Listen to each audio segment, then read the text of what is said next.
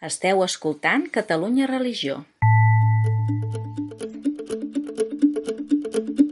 Som dijous 26 de maig de 2022 i esteu escoltant la rebotiga de Catalunya Religió, aquest espai de tertúlia i comentari de l'actualitat amb els periodistes que conformen la nostra redacció. Saludem en Roger Vilaclara, Glòria Barrete i Jordi Llisterri. Com anem? No Hola. Hola. Avui tenim amb nosaltres convidada especial, Uh, Mar, com estàs? Molt bé, aquí acompanyant-vos, com dius. Gràcies per ser amb nosaltres. Uh, Mar Pla, uh, que és la presidenta de la Confederació Cristiana d'Associacions de Mares i Pares d'Alumnes de, de Catalunya. Um, representes també uh, tot el sector de l'escola cristiana Uh, I t'hem portat aquí perquè, clar, aquesta setmana ha estat una mica moguda. De fet, dilluns llegíem el butlletí de la, de la Fundació d'Escoles Cristianes que, que l'escola concertada havia tornat a estar a, no, al punt de mira, no? a debat. És a dir, que es qüestionava el model de, de finançament d'aquests centres i, i s'apuntava que això es feia a través d'afirmacions tendencioses. Recordem que els últims dies, amb una diferència de d'un parell de setmanes, s'han publicat dos informes per part d'una fundació, la Fundació Jaume Bofill, un dels quals eh, titulava ja directament a l'escola concertada a debat. Com ho heu rebut tot això, les famílies? Inquiets, molt inquiets. Um, tot i que estem excessivament acostumats eh, que, uh -huh. que se'ns posi en qüestió a, a les nostres escoles i que, i que a més a més, um, sent part d'aquest sistema educatiu uh, que tenim a Catalunya, però sempre se'ns vol distingir i nosaltres sempre intentem al revés estar tots junts i poder treballar plegats i poder seguir avançant. Per tant, quan rebem aquestes comunicacions o aquests informes o, o intervencions d'altres organismes o, o gent, doncs ens inquieta perquè, evidentment, no ens agrada que, que se'ns ataqui. I moltes vegades, a més a més, que se'ns ataquin coses que no són, no són reals, no, no és la veritat. I, per tant, doncs, intentem treballar junts, escola i, i pares, igual que fem en una petita escola, doncs dins el que seria l'associació la, o, i la Federació d'Escoles Cristianes el problema d'aquests documents eh, s'ha dit no? que, que era la falta de neutralitat, de rigor científic, um, que s'han mirat unes dades però no unes altres, no? i que aquí s'han fet uns subratllats que no acaben de representar la feina, la missió i la realitat de, de les aules, no? Sí, una, una de les coses que estem, uh, que estem veient és, bueno, que, que passa en aquest àmbit, passa en tots, al final, és que segons la tendència que tenen doncs, l'entorn, diguem, comunicatiu dels ens, eh, doncs, bueno, clar, es fixa en una cosa que no és la, la globalitat de veritat de tot el que passa. I, i amb això també s'ha vist amb, amb la intervenció que s'ha fet a la Comissió del Parlament on, on bueno, les federacions d'escoles cristianes o concertades en general no, donen èmfasi a, a, a la vessant social que estan fent les escoles i, i, que, i que no tenen el suport necessari. No? I al final és durar peu i, i, i seguir fent aquesta tasca que anem fent, que és anar explicant i explicant i explicant, i no ens cansarem d'explicar, de que quan diem que estem infrafinançats no és perquè vulguem escolaritzar els nostres fills d'una forma diferent que un nen que va a la concertada, sinó perquè tingui les mateixes oportunitats que un nen que va a l'escola concertada.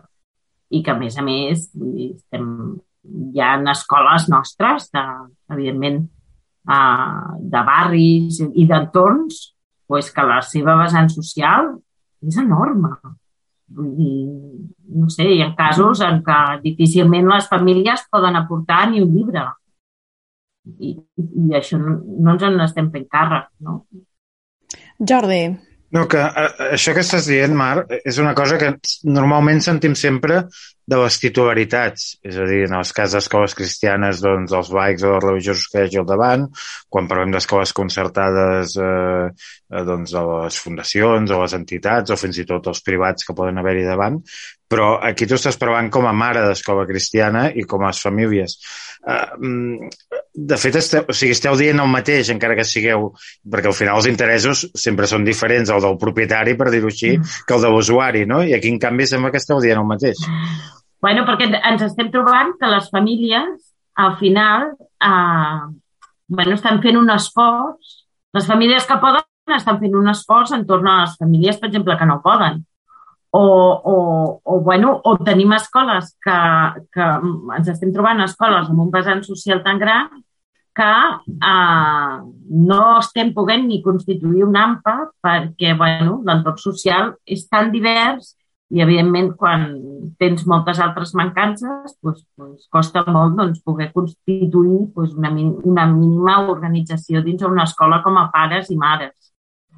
Um, I, per tant, en, Evidentment que nosaltres amb les escoles seguim treballant perquè, perquè bueno, siguin de qualitat, tinguin un bon servei, tot plegat, però, però quan m'he trobat amb AMPAs on la seva escola de tancar, perquè ja no tan sols perquè ja no hi hagi nens o perquè puguin, no, la preinscripció pugui anar malament, sinó perquè la congregació en si no té recursos com per poder seguir endavant aquella escola, doncs es, es posa un, un, una situació molt tensa. I justament eh, fa unes setmanes doncs, he estat parlant amb una, amb una AMPA, amb unes famílies que bueno, els integren en la seva escola, com avui també sortia no? una escola que, que bueno, ja he comunicat avui que tancava, um, que, que llavors els diuen, no, doncs ara tu tens la plaça de tal escola. I és una escola no amb, amb la línia que, que volien escolaritzar els seus fills les famílies, no? Una línia ben diferent. Llavors dius, bueno, aquesta llibertat de centre també es va qüestionant. Si no tenim prou finançament a les escoles, al final les famílies tampoc, tampoc ens deixen escollir hi ha moments i entorns o situacions que al final és una assignació quasi que, bueno, per on hi ha plaça i dius, bueno, però si no és la meva llibertat d'escollir, de, també és complicat. Uh mhm. -huh. Per tant, uh, però bueno, el, quan ens ataquen així com, com al final és un atac no? com a tota la institució i, i, i ataquen una mica aquest treball conjunt que fem famílies i escoles. I, bueno, sap molt greu, eh? La veritat és que... Mm. Sí, sí, que fam. Uh, Glòria. Mira, jo just anava a comentar una cosa que acaba de dir la Mar, i és la sensació eh, quan s'afirma eh, aquesta rotunditat que alguns mitjans fan alegrament, que sempre diem amb l'Església tot s'hi val, doncs sembla que amb l'escola concertada també. Eh, l'escola concertada segrega i és una sensació de dir i les famílies aquí? Mm, clar, al final, el que acaba de dir, no, no és només atacar una escola. L'escola forma, és un conjunt molt ampli i si és una bona escola, com ens consta, normalment doncs, es fa un treball conjunt. I qui escull, no oblidem, són les, són les famílies. I llavors aquesta afirmació fa pensar també que qualsevol família doncs té aquesta voluntat de, de dir no, no, el meu fill jo vull que vagi amb un, amb un cert tipus de gent. No és veritat, això a qualsevol persona que mira una escola pel seu infant petit quan comença l'escolarització no demana un llistat de famílies que hi van ni quins seran els companys de classe uh, del seu fill o filla. Llavors, fer aquesta afirmació jo penso que també el que està atacant és a les famílies que han escollit aquest valor.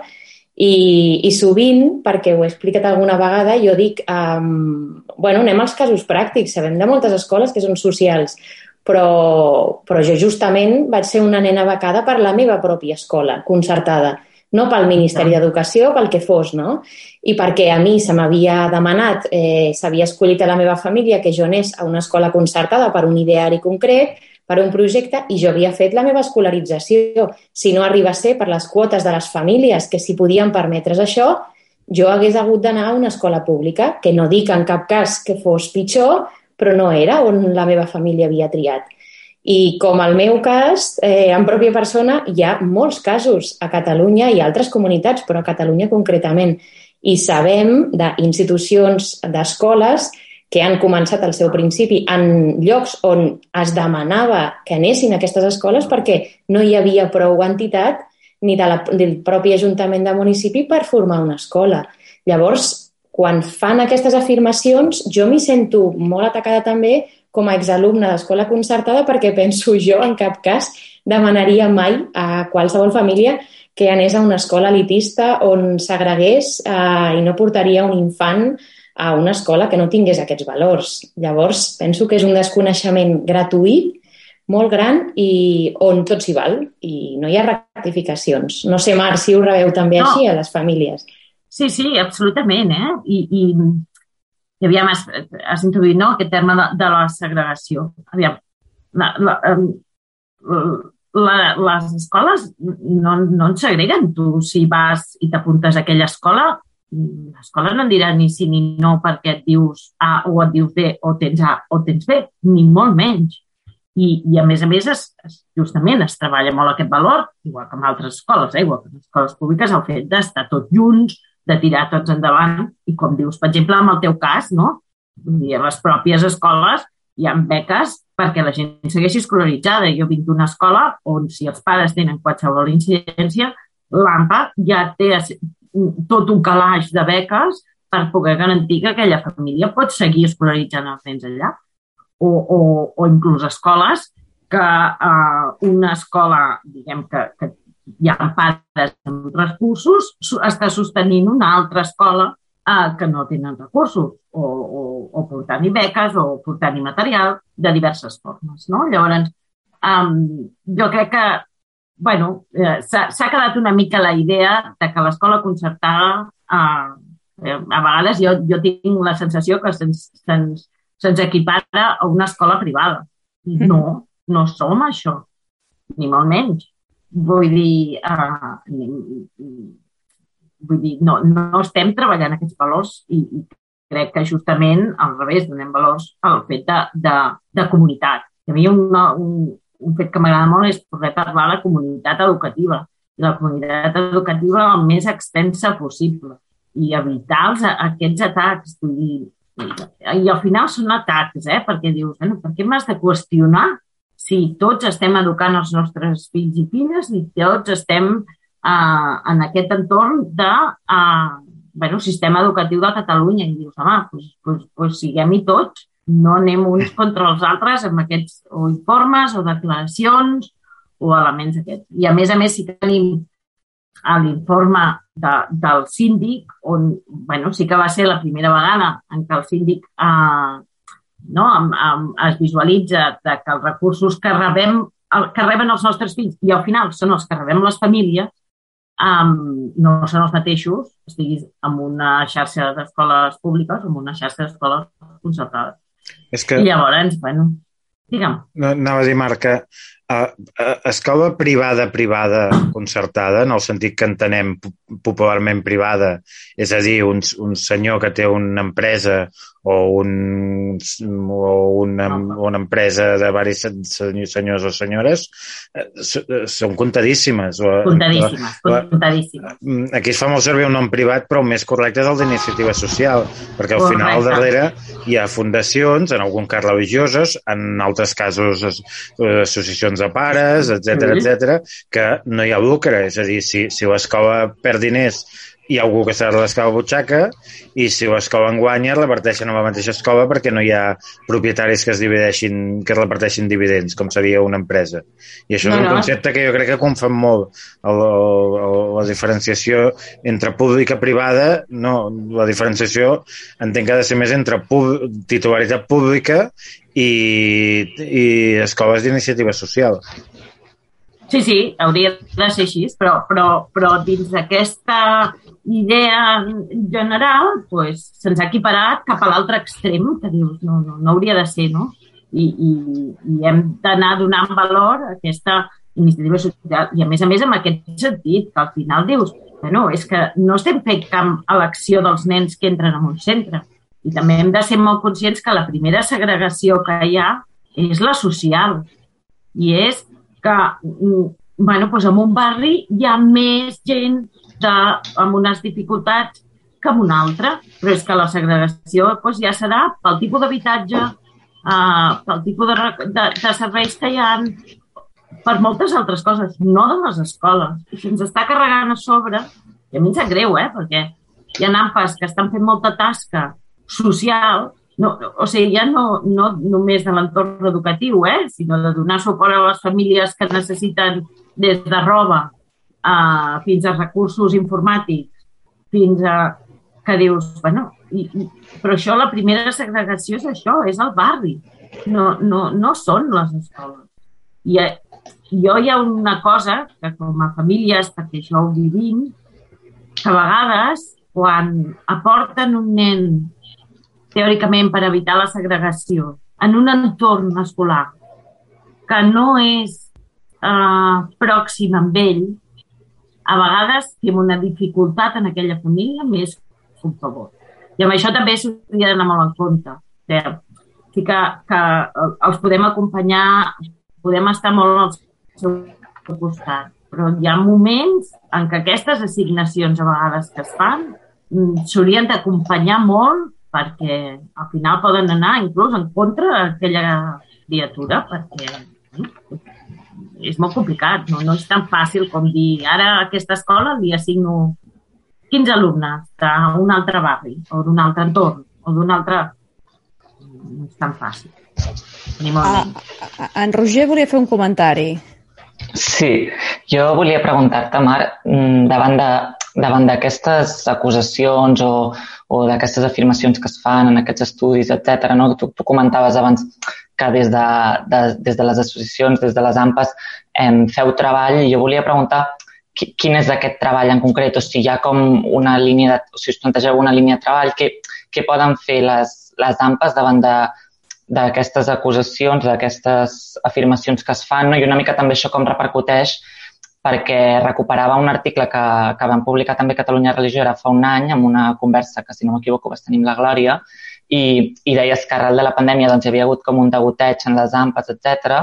I, i em preguntava si aquestes si quan hi ha aquests debats no, o, o aquestes, doncs això, aquestes publicacions que es fan, si això genera doncs, que les famílies també es vulguin com organitzar més i per reivindicar això, o si és un, un tema que les famílies ja estan cansades també com de, de justificar o de, o de demanar aquesta gratuïtat per les places, per exemple, que també deies en aquesta conversa. Bé, com, com a actuacions, en, el que fem una mica nosaltres com a confederació, que al final fem més aquesta vessant representativa de les AMPAs als entorns més institucionals, doncs nosaltres anem sent una mica allò la que anem insistint, insistint, insistint, tant pues, per aquesta gratuïtat com per poder tenir altres coses. Eh? Vull dir, la, una de les últimes era per veure si podíem desencallar el tema d'ordinadors, per exemple. Eh? Una, amb, amb la pandèmia, que hi va haver aquesta necessitat eh, ràpida d'haver de digitalitzar a tots els nostres alumnes, va resultar que els diners van arribar per la pública i els nois de la concertada en blanc.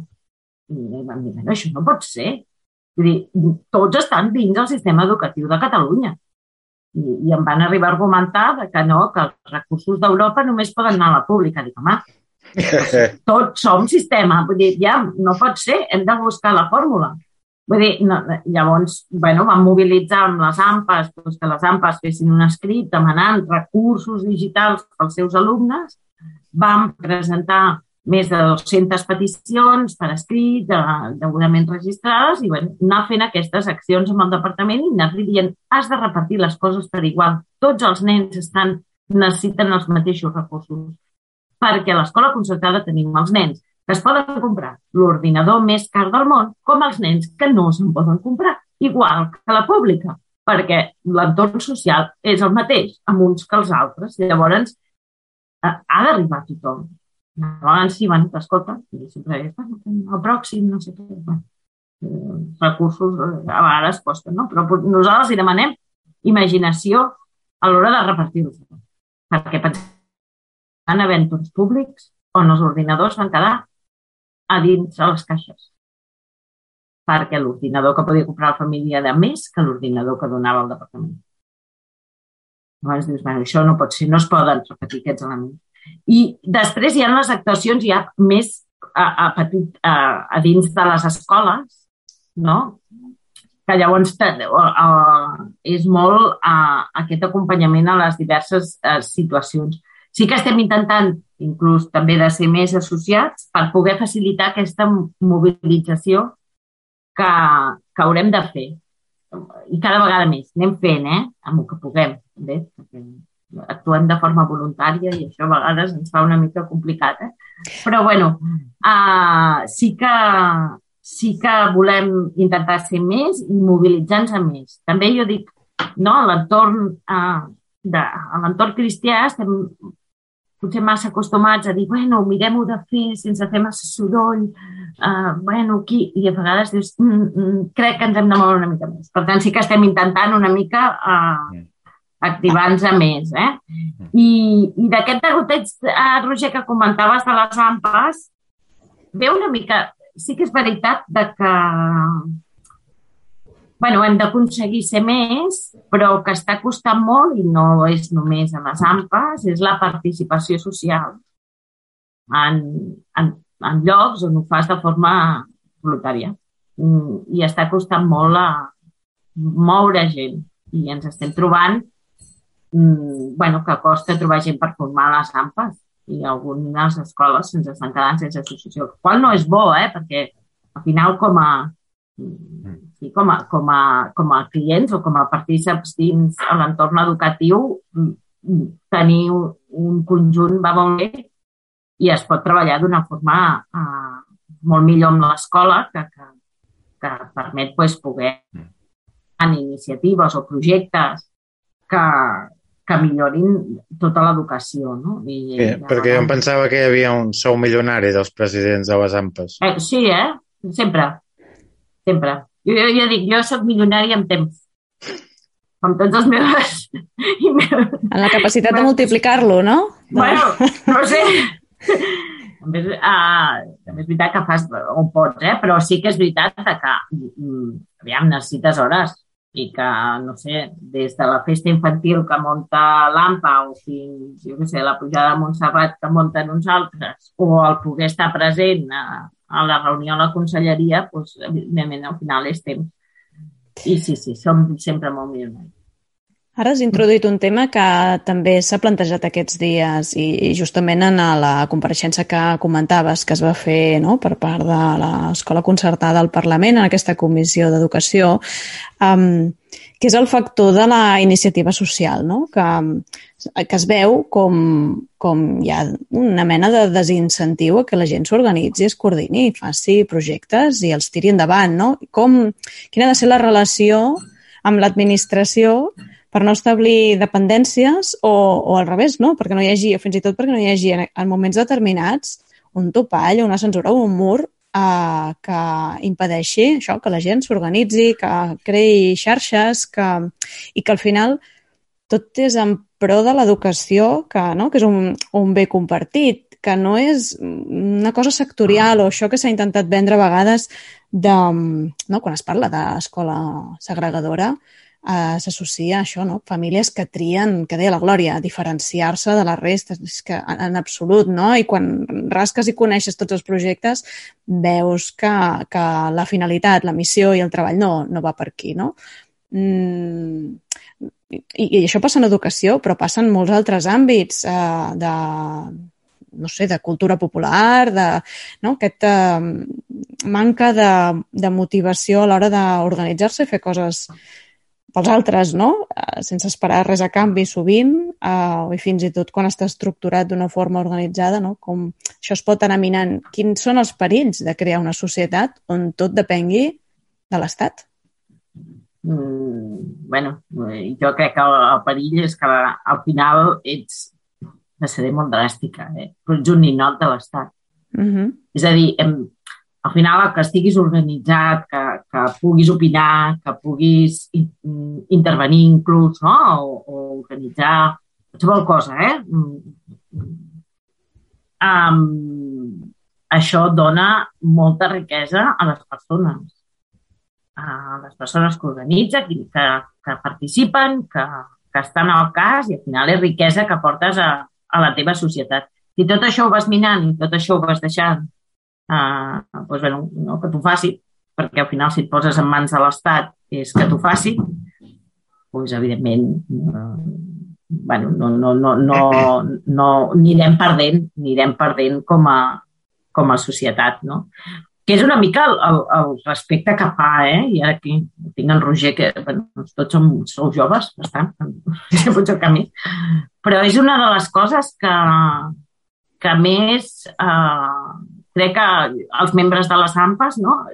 és un dels motius per participar, de poder traspassar als nostres fills aquesta voluntat o aquesta ganes de participar a la societat, això sense rebre res a canvi, és que no fa falta uh, que un somriure, un gràcies, un... bueno, doncs veure això, no? que fas el teu entorn una mica més agradable, uh, sigui l'escola, però és que pot ser fins i tot a casa, no? pues això aporta molt més a vegades que no pas el que, el que puguis treure de la feina, d'això, no? Però, bueno, també és veritat que la societat va avançant, però bueno, ens hem de veure de que, de que aquestes necessitats de millora, sigui en la cultura, en l'educació, en la família, doncs necessiten de temps, hores i participació, molta participació. Jo, jo crec que també aquí, més enllà del, del debat que hi pugui haver entre el, el públic i el concertat o la iniciativa social, que pot tenir en alguns moments un, un punt ideològic, jo crec que també al final hi ha una qüestió pràctica. És a dir, ara també vivim una època on els últims anys doncs, hem tingut uns governs democràtics, podem estar més o menys d'acord amb els que han governat en cada moment la Conselleria d'Educació, però bueno, hi ha una línia general que entenc que, que, que com a orientació del tipus d'educació que reben els, els, els nens al nostre país, doncs hi podem estar d'acord. Però bueno, no fa tants anys no, no ha estat així. I ara perdoneu que jo soc nascut al 72 i em vaig escolaritzar en català perquè hi havia una escola d'inici iniciativa social que ja estava escolaritzant en català molt abans que, evidentment, en aquella època o des de l'administració pública es plantegés això. Cert que no estem aquí, però l'Estat pot tenir determinats moments, poden governar determinats partits que marquin determinades orientacions i determinades línies que potser no van amb la línia d'allò que, que majoritàriament en aquest país volem. I si no hi ha una xarxa social forta mm, i tot depèn de l'Estat, Mm, he posat l'exemple de l'escola. Mm, pel que deia Laura, podríem posar, no sé, l'exemple de la festa major, no? O la festa major es munta entre la gent del barri o del poble i més, potser és una cosa més informal, però és més participativa i es fa el que es vol. Si depèn de l'Ajuntament, el dia que et canvia el codi de l'Ajuntament et munta una festa major, que potser dius, escolta, això, no, això potser no és la, la festa major que, que volem en aquest poble. Mm, I això jo crec que és un perill molt gran que, que, que, que que, que s'instal·li aquest discurs de dir no, no, tot, i en el cas de l'ensenyament, que sempre hi ha un component, mmm, no sé si la paraula seria ideològica, però sí que hi ha un component de model, de quin... De transmissió d'uns valors, no? D'uns valors, de quina proposta fas, de quin model de persona proposes, etc etc. doncs que tot depengui d'una única institució, que més ara va per aquí, però d'aquí uns anys pot anar per allà, i el trobo molt perillós. És molt perillós, i, i jo, a més a més, eh, crec que, mostro opinió molt personal, crec que és bona la diversitat que tenim a Catalunya al, a, a, en el sistema educatiu. Perquè és això, si tots els eduquem igual, què farem? Clons un dels altres. No tindrem diversitat d'opinions, no tindrem... No pot ser, vull dir, hem d'ampliar. Bueno, amb, amb, amb, amb això també és veritat que a vegades eh, inclús l'escola pública que copia l'escola concertada, perquè una mica aquesta llibertat de ser, o, o llibertat de ser, no, uh, no? que els centres siguin més independents, que mm. les direccions del centre vagin adquirint més protagonisme per uh, bueno, poder estar més atents no? al seu entorn, a la seva realitat, a, tal, ara inclús no? tot això que estem sentint del català, del castellà, de tot, tot, de, de, de, de tot el plantejament d'idiomes, que, bueno, que hi ha una part que vindrà donada pel centre, no sé què. Bueno, amb tota aquesta diversitat uh, uh, és bona, és enriquidora, no, no, no, la, no, no va bé que la tallem. I llavors, bueno, necessitem doncs, poder, poder anar donant vida a tots aquests entorns. Uh, fa Esteve la invitació que ha circulat aquests dies a que tota la gent que critica no, aquests centres vinguin a, a visitar-los i a conèixer-los. I... Sempre, sempre, importantíssim. Mira, us diré una cosa. Aquesta compareixença que hi ha hagut al Parlament em part s'ha donat perquè bueno, tant les, les titularitats com nosaltres com a Confederació d'AMPAs um, hem estat parlant amb cada un dels representants polítics dels diversos partits polítics i a la majoria d'ells els hem citat en una escola on la seva vessant social és molt alta. I han quedat admirats. No ho coneixien. No eren conscients. És veritat, no? A vegades, si tu vas a la teva escola i i et mous en el teu barri o en la teva d'això i allà no hi és, doncs no te'n dones compte. La veritat és que, bueno, és visible aquesta, aquesta part que, que és molt important. Però no fa falta tampoc, eh, a vegades, anar, anar, anar als barris aquests més, eh, que tenen més necessitats, sinó que és el que deies, eh? Vull dir, conèixer iniciatives com la que ha viscut la Glòria de poder ser una becada per les pròpies famílies sense haver d'anar ni, ni, ni aquests tràmits administratius que ens posen ni aquestes d'això, doncs és la realitat que hi ha el dia a dia de, de totes les altres Jordi. No, que ara heu comentat el tema de la compareixença al Parlament. Jo convido a tothom que tingui ganes de, de, bueno, no sabria com, quina paraula posar-hi, però de... Contrastar. Diguem, de distreure's aquesta tarda, que es posi la, la, la Laura va fer un bon resum informatiu, però que es posi l'hora i uns minuts que dura tota la, la intervenció. Uh, hi ha la intervenció inicial dels representants de l'escola concertada, que jo crec que està molt ben sintetitzat i explicat això que ara també ens està transmetent la Mar, però sobretot és digne d'estudi sociològic el tema de, de les interpel·lacions dels partits. Mm, arguments de... O sigui, una sensació de parlar amb una paret amb, amb, amb la majoria de casos. És a dir, escolti, això que està, o sigui, de escolti, això que està dient vostè ara amb la seva intervenció com a representant del partit, potser té raó o no la té, però has sentit el que ve acaben de dir? Mm. Perquè dius, bueno, un pot tenir una opinió, un una altra, i contrastar-ho i el que sigui.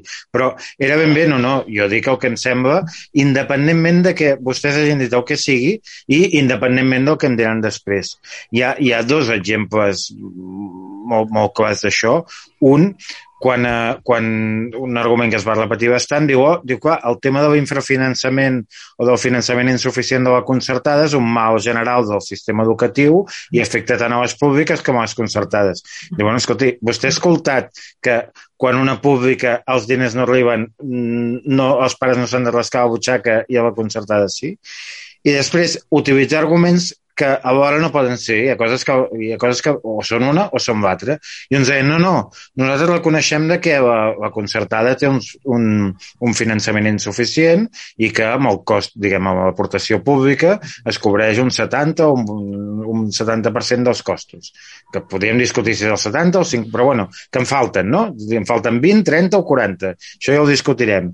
Diu, però clar, diu, com que és un servei públic no pot cobrar quotes dius, ah, doncs molt bé, les dues coses alhora no pot ser. És a dir, és una si vostè no pot financiar no, és, el 100%, el 20% per l'Estat no pot caure del cel. Però això, perdoneu, eh, més enllà de, de, de discutir l'argument, el que em sembla greu és de dir, de dir, escolti, vostès són els nostres representants, estem en un debat on hi ha uns experts i el que no pot ser és que vostè tregui el seu discurs que té apuntat a l'ordinador i ni escolti el que estan dient. Mm, I això és, és el que va passar en aquesta greu, compareixença. És greu. Bueno, perquè perquè la sensació que tenim és eh, el vostre discurs només l'esteu fent per vots.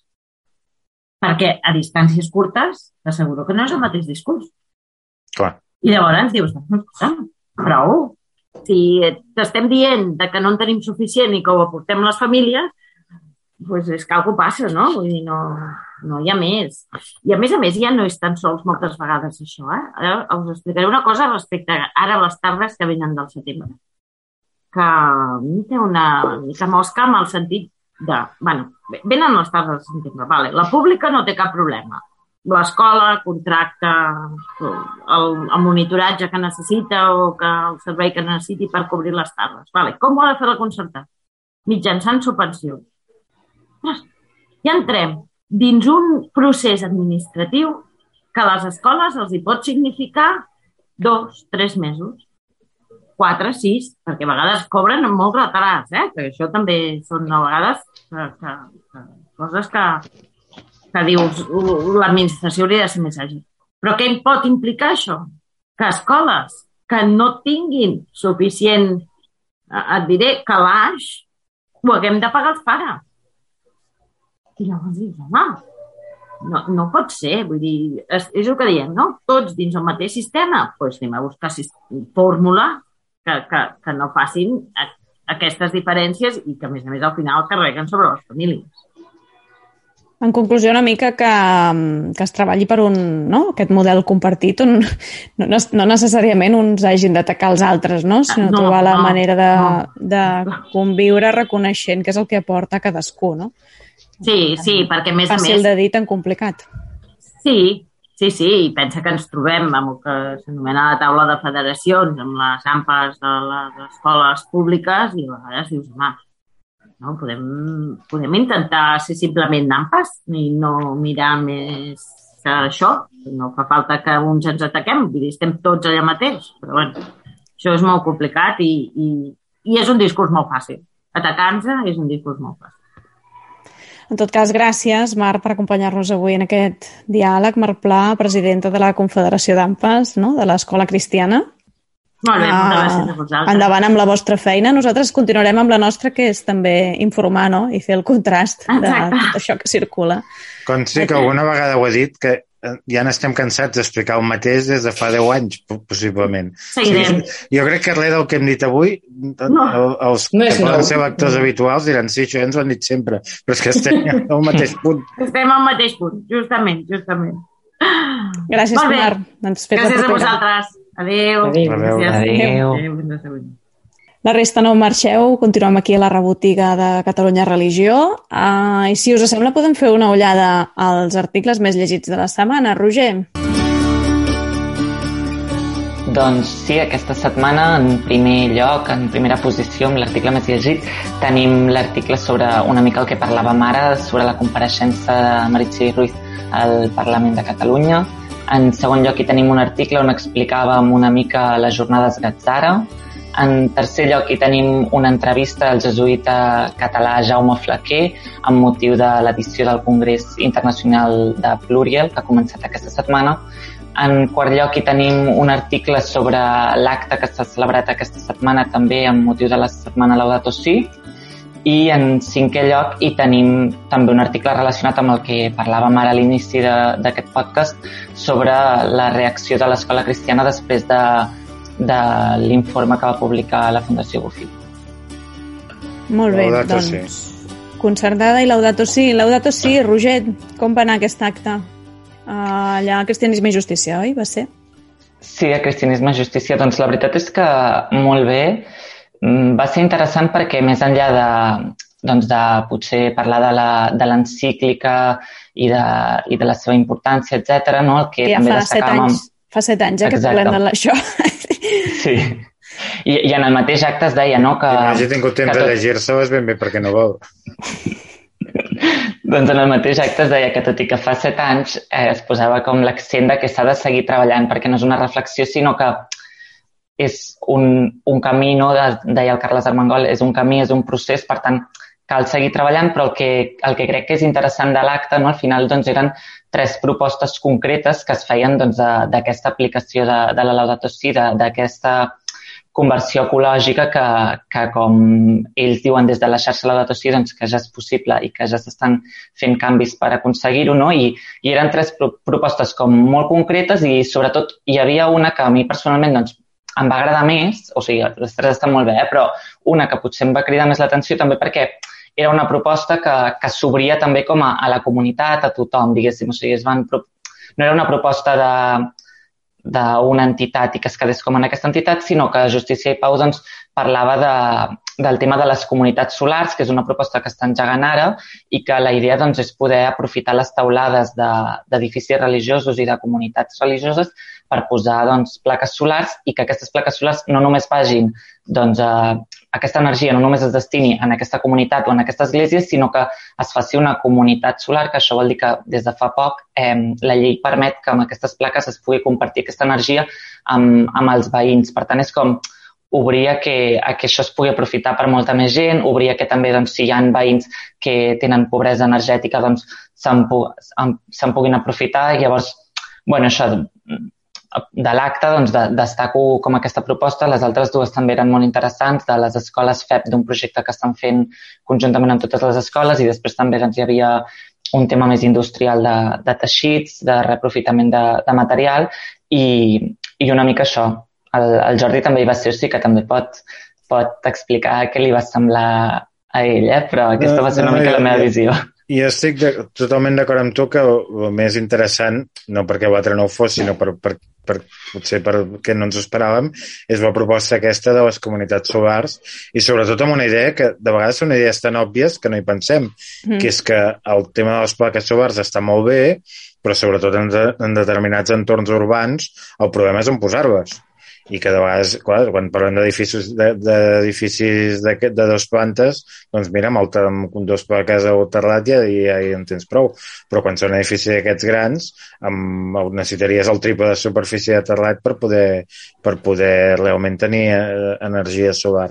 I, un, I amb això que no pensem és que una de les grans superfícies de taulada que hi ha a la ciutat són les esglésies i que i a més és un lloc on, que, a més ho van dir, normalment és un lloc accessible, que d'una manera o altra doncs, s'hi pot, pot arribar i que per tant és un espai que es pot aprofitar perfectament, que no interfereix en absolut amb l'activitat del, del recinte, mm, que de vegades dius, mira, les esglésies es podria fer això, es podria fer l'altre, però, però que en aquest cas això sí que no, no interfereix en absolut. I fins i tot ens van passar unes fotografies molt interessants de, eh, era més de països nòrdics, eh, però d'esglésies que fins i tot la, la composició dels panells solars els feien amb símbols religiosos. O sigui, sí. un, un que estava en una façana, suposo per una qüestió d'orientació que el nord el sol va més baix, però estava, no estava a la taulada sinó a la façana, i les plaques solars feien la forma de la creu.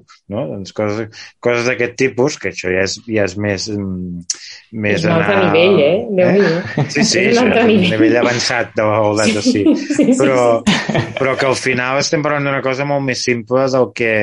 Del, i, i molt més o sigui, molt més fàcil i, i possible de realitzar que moltes altres coses complicades que mm. ens plantegem amb les comunitats religioses. L'únic inconvenient amb aquest tema de taulades entenc que és de protecció del patrimoni, edificis antics que estan catalogats, que segons quines intervencions no les pots fer. Has de vigilar com les Clar. fas, que no afecti fins i tot a nivell entorn i paisatge, eh? vull dir que, clar, tens un romànic, sí, no, no li clavaràs allà unes aquí. plaques solars, vull dir que hi ha... Tots aquí a clavar plaques. I d'altres que no, doncs depèn, no? Però, en el però cas això existeix ja. En el cas catòlic, eh, sobretot en temes urbans, eh, parlem moltes construccions aquestes Més recents, de la postguerra. Sí, sí. Clar, sí, sí, sí, sí. De fet, no, no sé si Santa Maria del Mar o Pi hem de posar plaques solars. Bueno, no sé si hi ha algun lloc que s'hi adequés, que potser sí, eh, d'alguna una taulada no, però potser alguna terrassa. Però mm. molt, amb la majoria... I de fet l'exemple que és la que ens van posar allà d'un lloc on ja s'està fent, a Lleida. La, a l'església del Pilar. A l'església del Pilar, sí.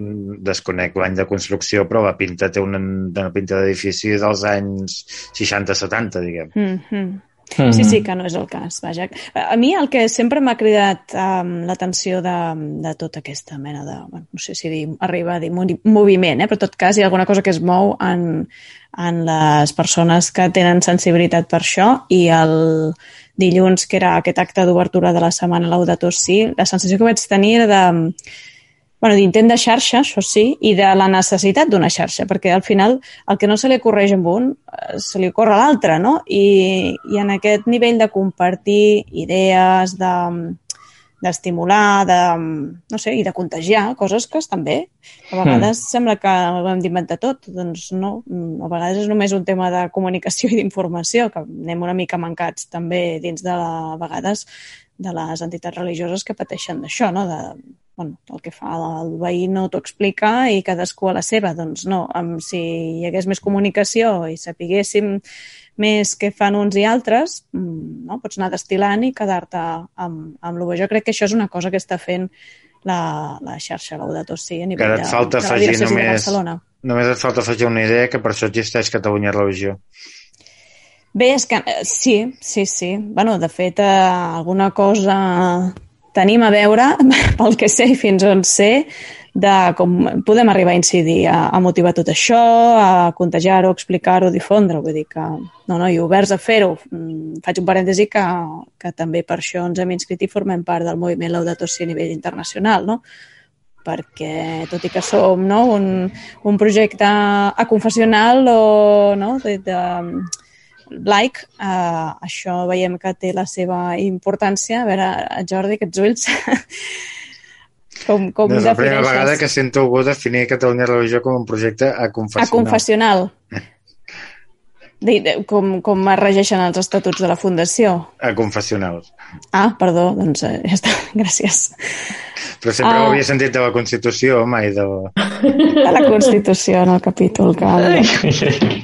Bueno, molt bé. Escolteu, i una altra cosa que també ens concerneix, eh, que, eh, del que som, en aquest cas sí, ja més explícitament promotors, és, eh, i parlo d'un tema d'agenda, que tothom s'ho reservi, 14 de juny, Tribuna Joan Carrera, segona edició, d'aquest espai de diàleg, dinar, i en aquest cas, ara no tinc aquí obert per trobar el nom d'aquest senyor, algú que m'ajudi, si us plau, aquí. William Danca. Carrera.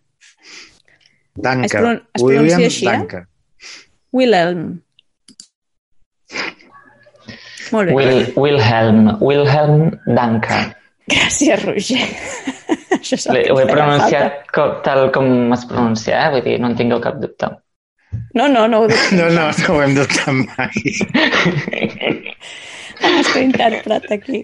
Multilingüe. El Danca és. Molt bé, doncs uh, uh, aquest bon home és el degà de la Facultat de Teologia de Bucarest i participarà del, del dinar col·loqui per parlar del, del factor religiós en la guerra Ucraïna, no? I, per tant, un tema pertinent i un personatge que, doncs, que, que tindrà les seves um, coses interessants a explicar i a compartir. Mm. Broma, bromes a part del nom, que disculpeu la nostra incompetència, però sí que és veritat que és important eh, la, la idea de- d'aquesta tribuna és que vingui algú en proximitat en el món ortodox a explicar-nos-ho. Uh -huh. Mm, ell, és, ell és un sacerdot catòlic i està a la facultat de teologia, però evidentment el món romanès doncs, coneix molt millor aquesta realitat que nosaltres i per això es va buscar algú que vingués de, del món de l'ortodoxia per parlar en primera persona, de l'entorn cultural, diguem, de l'ortodoxia per parlar-ne en primera persona i per això serà, serà interessant aquesta, aquesta trobada. Els que, els que també siguin fluixos de llengües, doncs que hi haurà traducció, que no patissin, que no pateixin i que segur que serà molt interessant. De fet, parlar parlarà en italià, tinc entès, Mm. que Mm. sempre és una llengua propera. Sí, aquell italià que més vas estirant, català. com pots, sí. Um, doncs escolteu, queda aquí uh, anotat, tothom convidat, inscripcions obertes, ja ho sabeu. I podem deixar aquí la rebotiga. Sí, gràcies per escoltar-nos una setmana més. Uh, gràcies Glòria Barrete, Roger Vilaclara i Jordi Llisterri. S'acomiada també una servidora, Laura Mort. Fins aviat! A veure... Adéu.